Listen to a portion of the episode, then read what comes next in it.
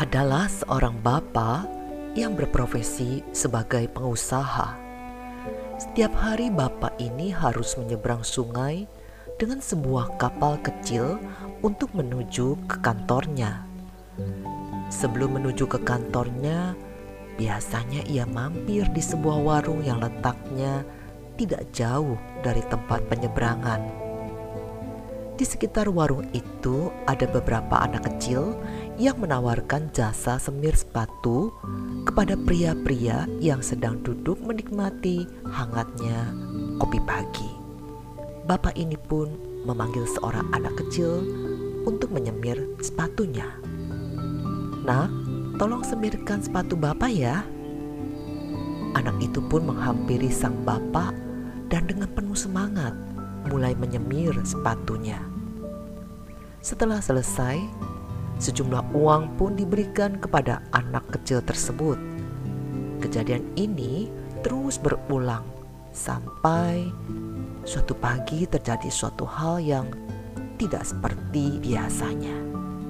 Pagi itu, ketika si anak kecil penyemir sepatu melihat sang bapak turun dari kapal dengan sekuat tenaganya, ia berlari mendapatkannya dan membawa tasnya sampai ke warung kopi. Ia membuka sepatu si bapak itu, kemudian menyemir sepatunya sampai mengkilap. Setelah selesai, bapak tersebut memberikan sejumlah uang kepada anak tersebut. Tetapi reaksinya sungguh berbeda. Anak itu menolak uang pemberian bapak tersebut. Kemudian dengan lembut Bapak itu bertanya sambil menatap wajah anak itu. Nak, kenapa kamu tidak mau mengambil uang ini? Dengan mata berkaca-kaca, anak kecil tersebut menjawab, Pak, saya ini anak yatim piatu.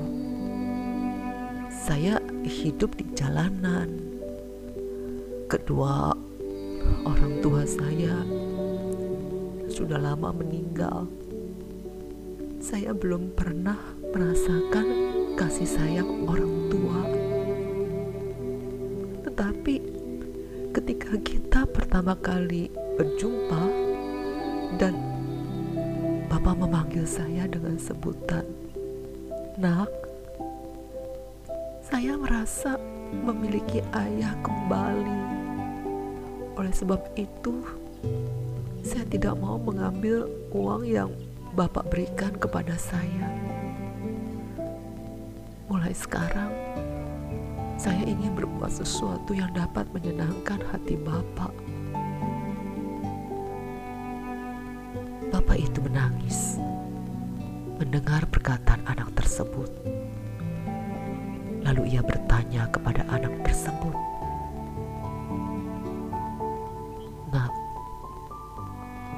Maukah mulai saat ini juga kamu tinggal bersama saya dan menjadi anak saya? Sambil memeluk erat bapak tersebut, anak itu menjawab, "Iya, Pak. Saya mau."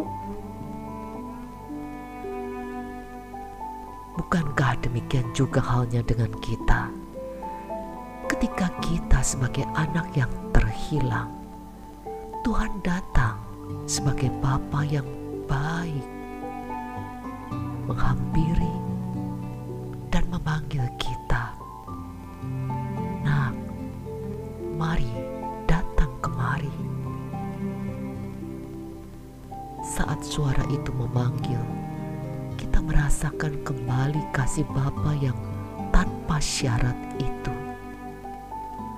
Bukankah Yohanes 1 ayat 12 berkata, Tetapi semua orang yang menerimanya diberinya kuasa supaya menjadi anak-anak Allah, yaitu mereka yang percaya dalam namanya. Kasih Bapa itu pula yang dapat membuat kita berkata seperti anak kecil itu. Mulai sekarang, saya ingin berbuat sesuatu untuk menyenangkan hati Bapa. Saudara, bagaimana dengan kita? Maukah kita selalu menyenangkan hati Tuhan dalam setiap aspek kehidupan kita? Matius bab 5 ayat 16 berkata, Demikianlah hendaknya terangmu bercahaya di depan orang, supaya mereka melihat perbuatanmu yang baik dan memuliakan Bapamu yang di sorga.